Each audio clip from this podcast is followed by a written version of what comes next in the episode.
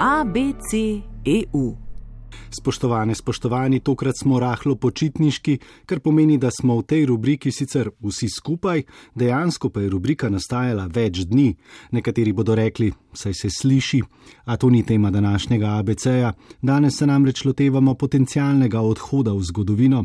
Minuli teden se je menda poslovila od Bruslja, saj se je udeležila že svojega 107. vrha Evropske unije, zato danes. Zadnjič ali ne? To je tu vprašanje.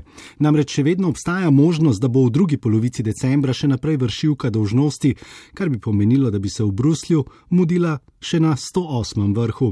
A vseeno, evropski voditelji so se od nje že poslovili, rekoč, da je bila luč in kompas našega evropskega projekta. Po takih besedah se bo malce čudno znova vrniti v Brusel, če ne bo šlo drugače. Tudi zato bomo mi današnjo rubriko namenili razmisleku o tem, kdo odhaja in kaj zapušča. Posneta Špela in Luka imata pred sabo dolgi besedili.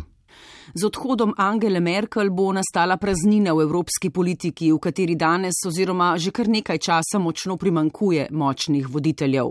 Angela Merkel je zagotovo bila takšna voditeljica, ki seveda ni bila brez napak.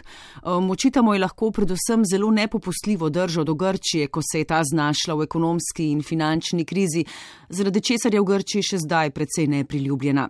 Povsod pa ji priznavajo pomembno voditeljsko vlogo in jo večinoma vidijo v pozitivni luči luči.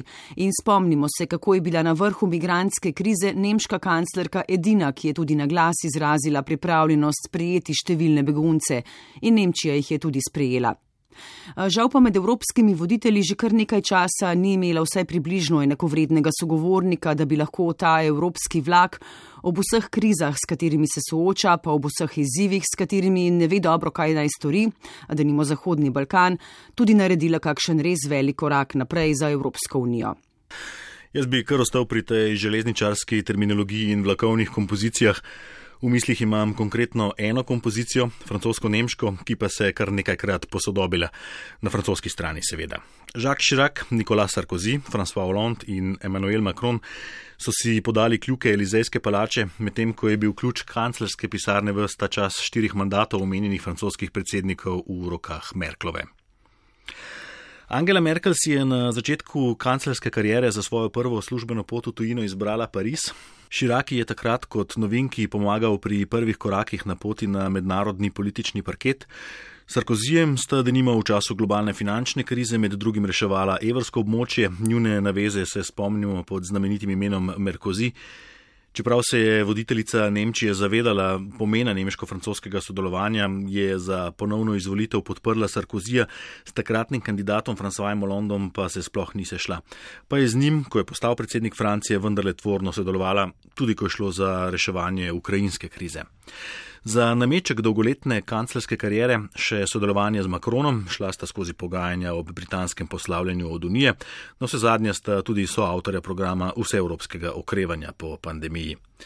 Macron pa se zaveda, da bo morala francosko-nemška naveza delovati tudi v časih po Merklovi.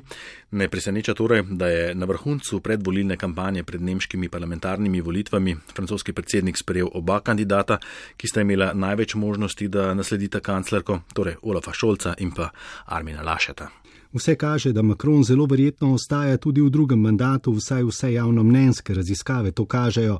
Do takrat je še nekaj manj kot pol leta. V tem času bomo verjetno že videli in spoznali, kaj, če kaj, manjka politikoma, ki ju je omenil Luka. Merklova je zagotovo imela napake. Mednje štejem, da nimo tudi mlačen odziv na vse bolj glasno in široko in liberalno politično opcijo z vzhoda, ki je z razumevanjem in pretirano dialoškostjo pustila, da postane relevantna, pa čeprav to za rešitev ali ohranitev evropskega projekta ni. Sploh, ker se zavedamo, da se je jasno postavila proti evroskeptičnim silam na Zahodu, ki in ko so jim prerekovali preobrazbo unije. A doma je pustila politično sliko, v kateri je le malo prostora za euroskepticizem. Tudi zato srečno kompas in luč in kar je še pretiravan, Angela Merkel, dragi moji.